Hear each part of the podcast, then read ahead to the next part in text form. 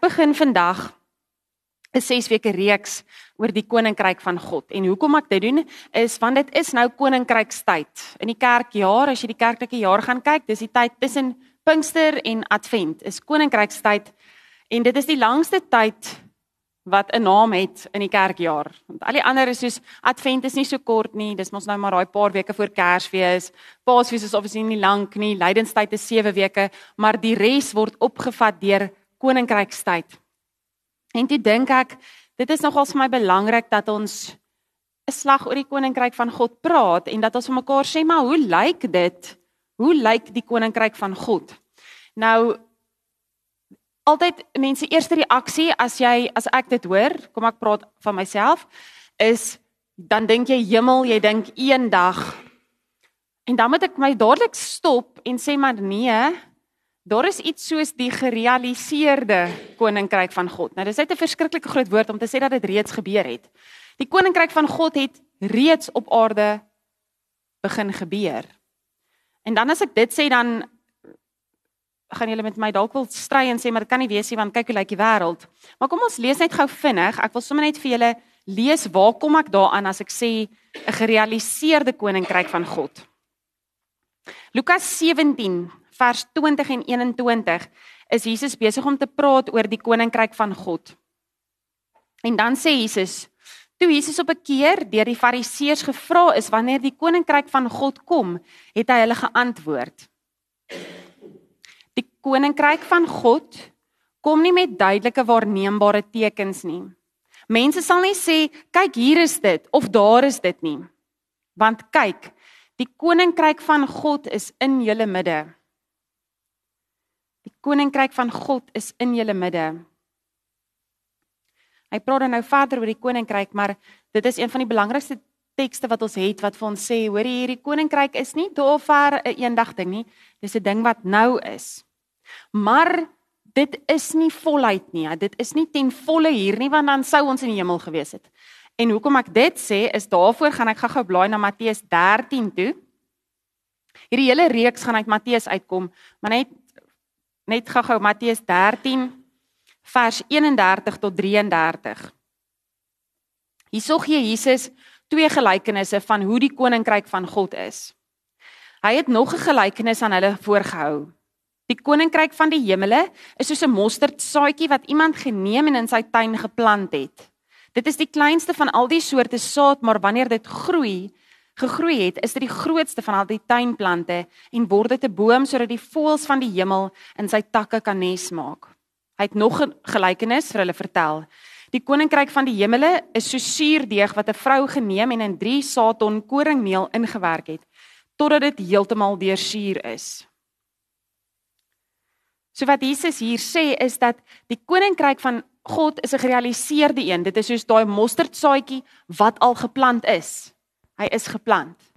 Die boom is nog nie ten volle groot en gegroei nie, maar daai saadjie is al geplant. Die groei van die koninkryk het reeds gebeur. Maar dan is dit nou presies dit. As ek sê die koninkryk van God is reeds hier op aarde en ons kyk na ons wêreld, dan wonder ek waar is dit? En dan wil ek vir julle 'n lied speel wat eintlik glad nie 'n kerklied is nie glad nie soos 'n hoegenaamd nie, maar dis 'n lied een van my gunsteling ehm um, bands wat ek geluister het as tiener. Hulle sing Hoekom is die lied se naam De Disselblom en hy klink so. Lees die woorde want dit is nogals wat ek vir myself wil vra as ek na die wêreld kyk. Net 'n vinnige nota vir kopieregredes kan ons nie die lied waarna Nadia hier verwys in die opname insluit nie. So klik asseblief op die skakel in hierdie podcast en luister daar op YouTube na die lied waarna sy hier verwys en kom dan terug na hierdie deel van die opname toe. Dis 'n bietjie harde woorde. Ek onthou destyds toe ek die lied as tiener die eerste keer gehoor het en ek het daai stuk vir al die stuk gehoor wat gebeur as jy oud word? Ja, ek doen. Dankie Isabel. Jy's oulik. Isabel het onthou en ek het ook. Vat 5 Isabel om te rekord. Ehm um, As ek hierdie lied luister en veral daai stuk wat sê as ou mense van honde kos moet leef. Nou as ek 'n tiener wat hierdie lied luister, want ek was mal oor dit Disselblom. Ek het hulle seker honderde kere live gaan kyk. En toe vir die eerste keer het ek gaan soek, is daar gebeur dit regtig? Gebeur dit regtig dat ou mense van hondekos moet leef? En toe het ek die ontnigterende ervaring gehad om in 'n plakkerskamp, 'n blanke plakkerskamp in Pretoria te gaan wees waar ek dit eerstehands gesien het. En dan moet jy vir jouself, toe ons teologie studente, toe ek nou nie meer 'n tiener op skool nie, maar toe sit nou daai wat die hel nou as jy hierdie goed sien. Dan sou nie 'n mooi manier om dit te vra nie, daar's eintlik 'n lelike manier om te vra. Wat doen jy met hierdie slegte goed in hierdie wêreld? As ons vir mekaar sê maar die koninkryk van God het dan nou reeds hier op aarde gekom. En dan sien jy sulke goeders. Of 'n jong mens wat doodgaan en niemand niemand weet hoekom nie. Of wat is die punt van die lyding en die seer nie. Dan lees ek weer vir Lukas. Lukas sê daar die koninkryk Jesus antwoord hulle en hy sê die koninkryk is in julle midde. Maar hoe jy daai woord ook kan vertaal is jy kan sê of daai stukkie vertaal is Die koninkryk van God is in julle. In julle midde, maar ook in julle. En dis dit soos, aha. Dit is die sleutel. Dit is die belangrike ding wat ons moet besef as ons praat oor die koninkryk van God wat gerealiseer het. Is dit is nie daar buite nie. Jesus het gesê ons gaan nie sê, "Ag, oh, kyk hier is dit" of "O, hier daar is dit" nie. Ek gaan sê, "Oh, Hier is dit. Hier is dit. In die week het ek 'n boodskap gestuur op die groepie op ons WhatsApp groep wat so 'n bietjie my hart gedeel het oor die betogings en die taxi stakings en die effek wat dit op mense het en en ek het net vir myself 'n paar keer gesê maar wat wat kan ek doen? Wat kan ons doen? Ons kan nie die staking stop nie, maar wat kan ons doen om 'n verskil te maak? Want ons moet 'n verskil maak. Want alleen as ek en jy besef dat ons is die koninkryk van God, ons moet die realiteit daarvan leef, gaan ons dit in die wêreld begin sien. As ons besef dit is nie ander mense wat moet goeders doen en groot goed reël of dinge beplan nie.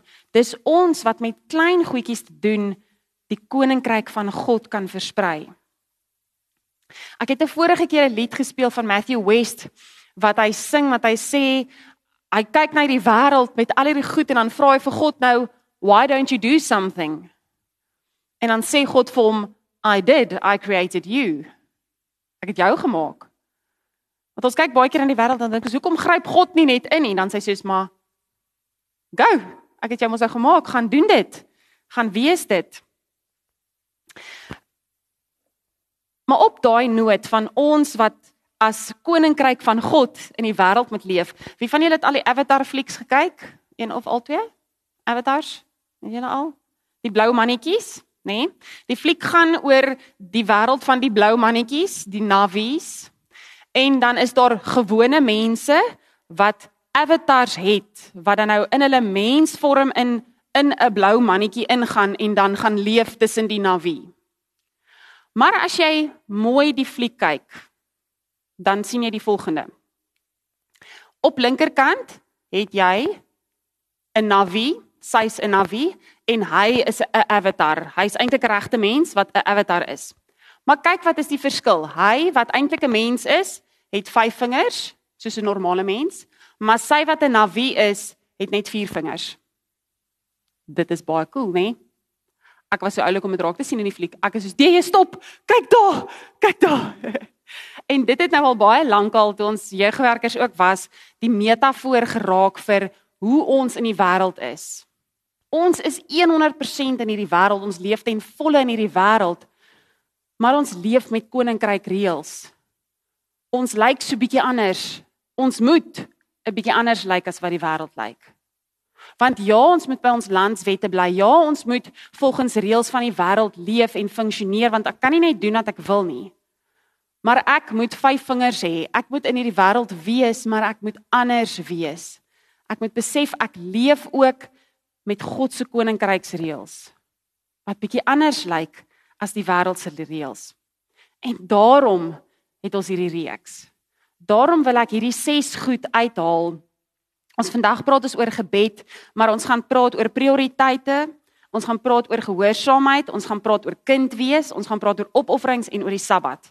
Dis die ses goed wat ons gaan praat, maar ons gaan elke keer vir mekaar sê hoe lyk ek met my 5 vingers in 'n wêreld wat 4 vingers het? Hoe leef ek hierdie koninkryk van God in die wêreld uit? So vandag begin ons met gebed. Nou in daai selfe boodskap wat ek in die week vir julle gestuur het, het ek gesê gebed is net nie vir my genoeg nie. Dis nie net vir my genoeg om te sê ag ek gaan bid oor die saak nie. Ja, ek gaan bid oor die saak. En ja, ek het baie gebid oor dit. Maar ek het net hierdie gevoel gehad van dit is nie genoeg nie. Want gebed is nie genoeg nie. Maar gebed moet altyd die wegspringpunt wees. Gebed moet altyd die plek wees waar jy begin om enigiets aan te pak. Want jy kan niks doen nie, mag niks doen nie, moet niks doen voor jy nie met God daaroor gepraat het nie. Maar okay. Daar was al baie preke oor gebed. Ek het self al baie oor gebed gepreek. Maar ek moes myself vra wat wat is gebed as ons sê dis 'n koninkryksgebed in die wêreld? En daarom lees ons vanoggend Matteus 6 vers 9 tot 13. Eintlik sou meeste van ons dit 10 teen 1 net kon opsê. Want as jy jou Bybel oopmaak, Matteus 6 vers 9 tot 13, dan leer ons by die meester hoe om te bid. Dan gaan luister ons bietjie hoe sê Jesus, so moet jy bid.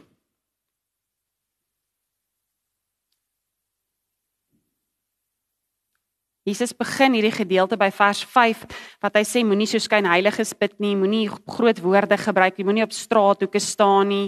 En 'n klomp goeie sê hy. Moenie stortvloed woorde gebruik nie, want die Vader weet klaar wat jy wil hê. En dan kom ons by die volgende gedeelte. So moet julle dan bid, sê Jesus. Ons Vader wat in die hemel is, Laat U naam geheilig word.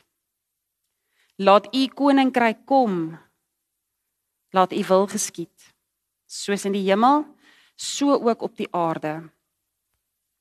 Gee ons vandag ons daaglikse brood en vergeef ons ons skulde, soos ook ons hulle vergeef wat teen ons skuldig staan. En bring ons nie in die versoeking nie, maar verlos ons van die bose want aan U behoort die koninkryk en die krag en die heerlikheid tot in ewigheid. Amen.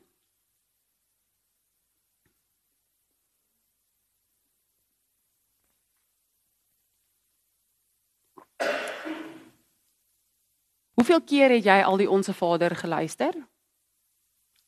Baie keer. In Afrikaans en Engels en ander tale, ons ken dit. Ons ken dit. Maar een van die dinge wat my altyd altyd opval as ek hierdie gebed lees wat Jesus vir sy disippels sê, so moet julle bid, is dat hy die heeltyd sê ons onsse Vader. Dit is 'n ons gebed. Nêrens sê hy gee vir my my daaglikse brood nie. Laat ek nie in die versoeking kom nie. Maar dis 'n ons gebed. En ek dink dit is vir my die die een ding wat die groot verskil maak in 'n koninkryksgebed versus 'n wêreldse gebed. Is dat 'n koninkryksgebed is 'n ons is 'n ons gebed. Want ons leef in 'n wêreld wat sê me myself and I, dis ek en ek alleen wat belangrik is en ek moet myself beskerm en ek moet vir myself net die beste gee en die beste kry. Maar Jesus sê nee. Nee, die belangrike ding is ons ons daaglikse brood. Laat ons vergewe, laat ons nie in die versoeking kom nie. En dit is dink ek waar ons met gebed moet begin as ons praat oor hoe lyk gebed in die koninkryk van God hier op aarde. Want dit is maklik vir my om te bid.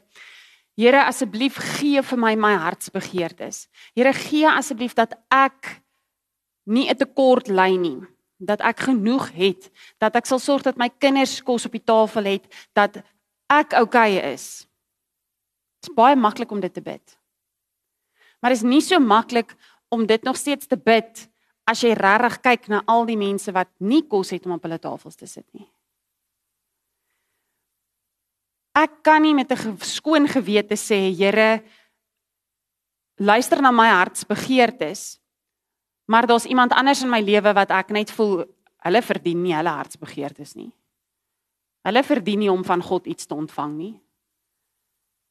Want dan moet ek vir myself sê ek mag nooit bid, Here gee vir my net wat ek wil hê nie. Ek moet bid, Here gee vir ons. En dan moet ek vra wie is die ons? Die ons is nie net my gesin wat in my huis bly nie. Die ons is nie net ons wat hier sit eers vanoggend nie. Die ons is nie ons mense met wie jy gemaklik is nie. Die ons sluit alle kinders van God in. Alle kinders van God. So ek kan nie bid, Here hou my veilig op die pad as ek bestuur, maar ek vra nie Here hou almal veilig wat op die pad is nie. Here keer dat ek nie swaar kry nie, maar ek hou my oë toe en blind vir die persoon by wie ek verbystap wat regtig swaar kry nie.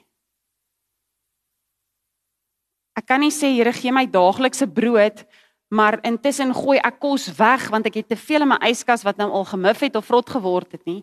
En daar is 'n huisgesin wat nie kos op hulle tafel gehad het nie want daar was stakings, die mamma kon nie gaan werk het nie. Ons moet begin bid en vra Here ons Nou, 'n maklike ding wat ek gewoonlik met kinders, wat ek met kinders altyd leer om te bid om hulle juis te leer dat jy kan nie net bid vir my en vir ek nie. Is ek sê ons bid met ons hande. Jy bid, as jy begin bid, bid jy eers vir die mense naby aan jou hart met jou duim. Dis die mense vir wie jy lief is, die mense waarmee jy gemaklik is, die mense wat jy goed ken, maak nie saak of hulle naby of ver van jou af bly nie.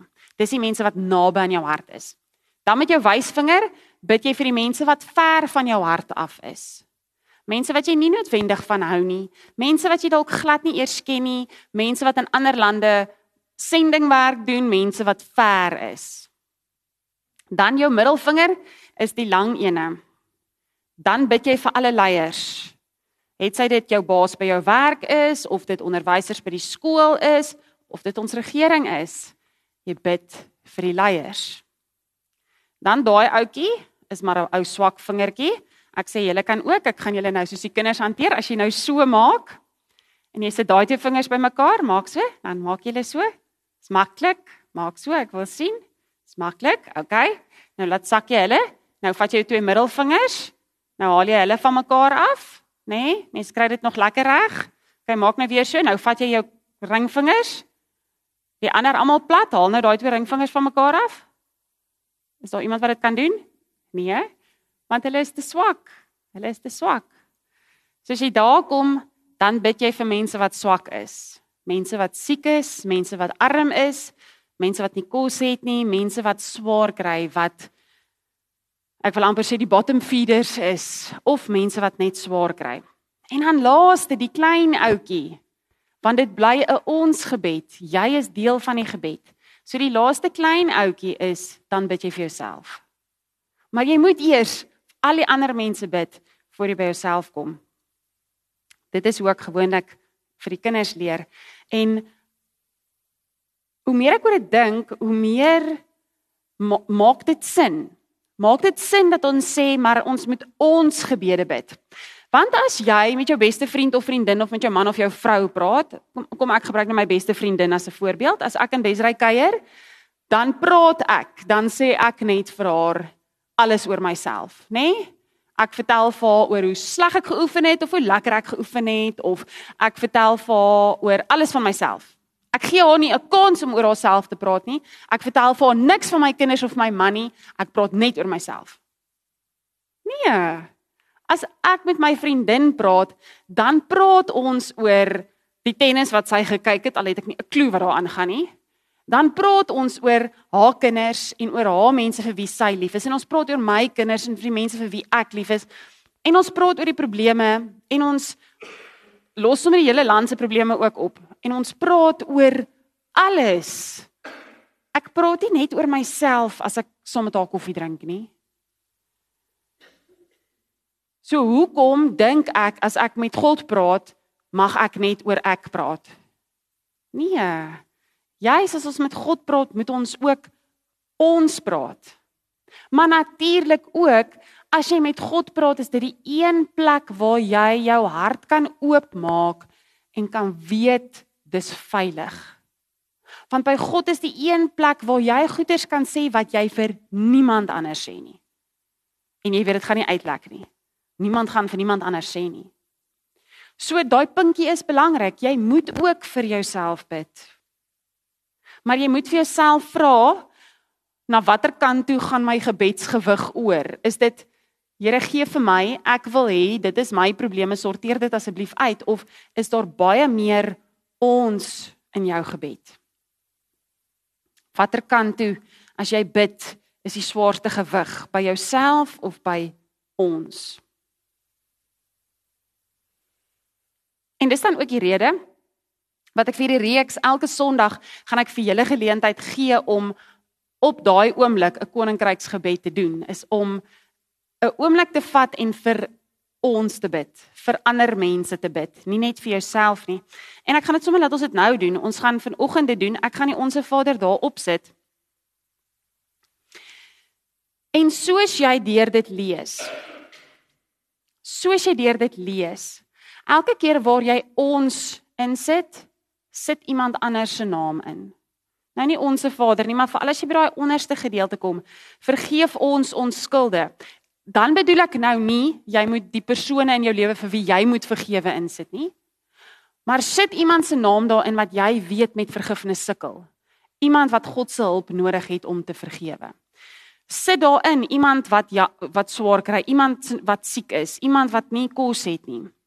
Vat 'n oomblik, bid hierdie gebed, maar bid dit ons gebed. Sit ander mense se name in en probeer om nie eendag ek of my te sê nie. Ek gee julle so 'n oomblik van stil gebed.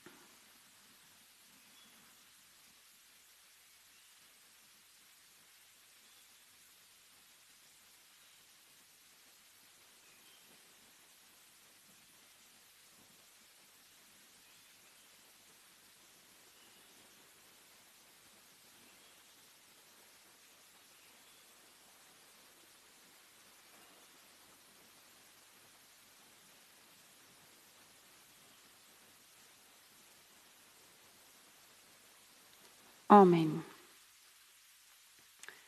As jy in die week wat kom met iemand te doen kry wat swaar kry of iemand wat jou kwaad maak of enige iets met mense te doen kry, vra vir jouself af, het ek al vir hierdie persoon gebid?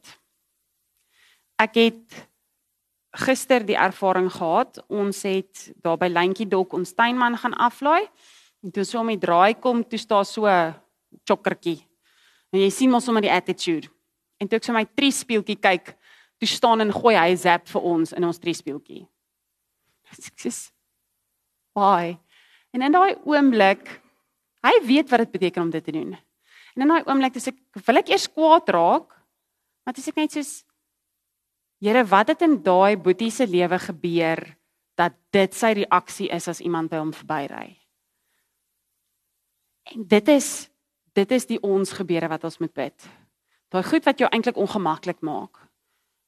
Nie die maklike goed voorbid nie, maar juis om om die ons wat Jesus hier vir sy disippels leer regtig inklusief te maak en vir ons te bid ook vir die taxi drywer wat staak. Nie net vir die persoon wat nie kon werk toe gaan nie. En dan raak hierdie ons gebed 'n moeilike ding. Maar dit is koninkryksgebed in 'n wêreld wat stikkend is. Die laaste ding, so twee laaste goed wat ek met julle wil deel. Die eerste ding is Jesus sê dit ook daar. Moet dit nie kompliseer nie. Om daai ouetjie in my triespieeltjie te sien, was dit genoeg vir my om vir die Here te sê, Here, jy sien dit, wees daar. Jy hoef nie mooi woorde te kan gebruik nie. Jy hoef nie indrukwekkend te kan bid nie. Die Charlotte wat um, ek en Isabel en Ilse was gister by haar gesprek, as sy bid het sy so teenwoordigheid as sy bid is amazing. Die het gister 'n gebed opgeneem wat sy bid. Sy kan 9 van ons land se amptelike tale praat. So as sy bid, dan luister jy. Dis amazing.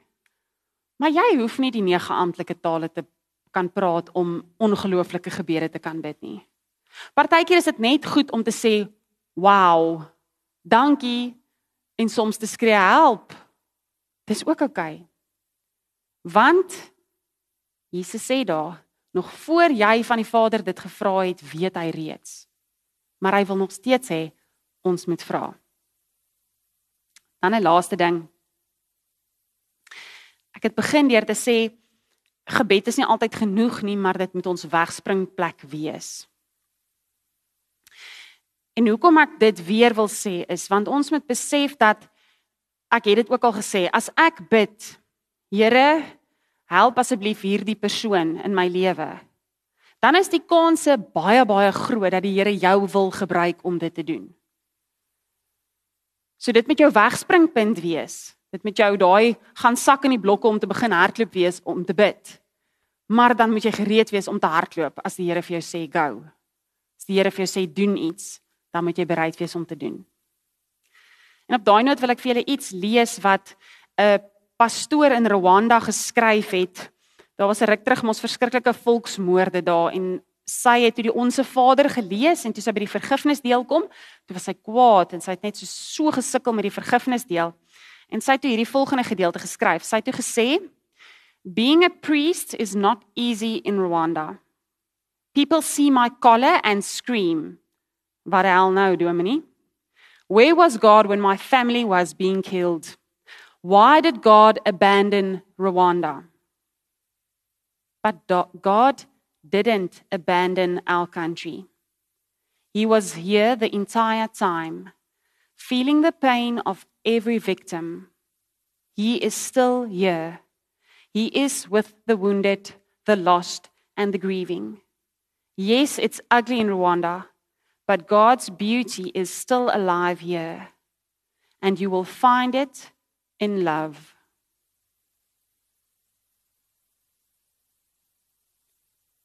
Hoe gaan ons die koninkryk van God in hierdie wêreld sien?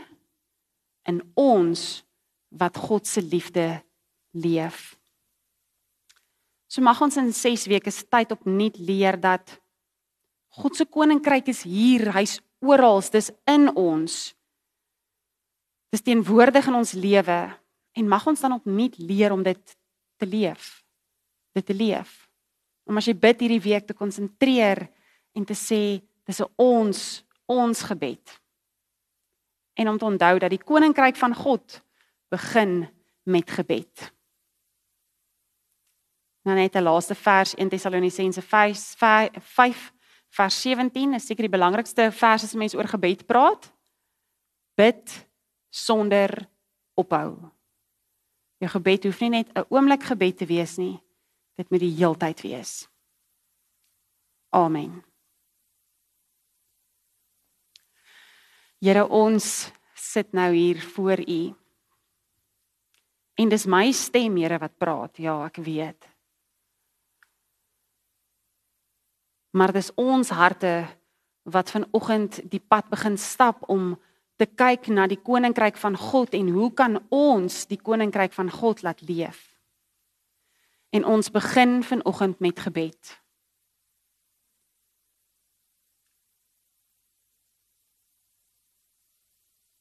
Ons begin met gebed, dis ons wegspringplek, Here, en ons vra vir U om ons nou sterk te maak vir die pad vorentoe.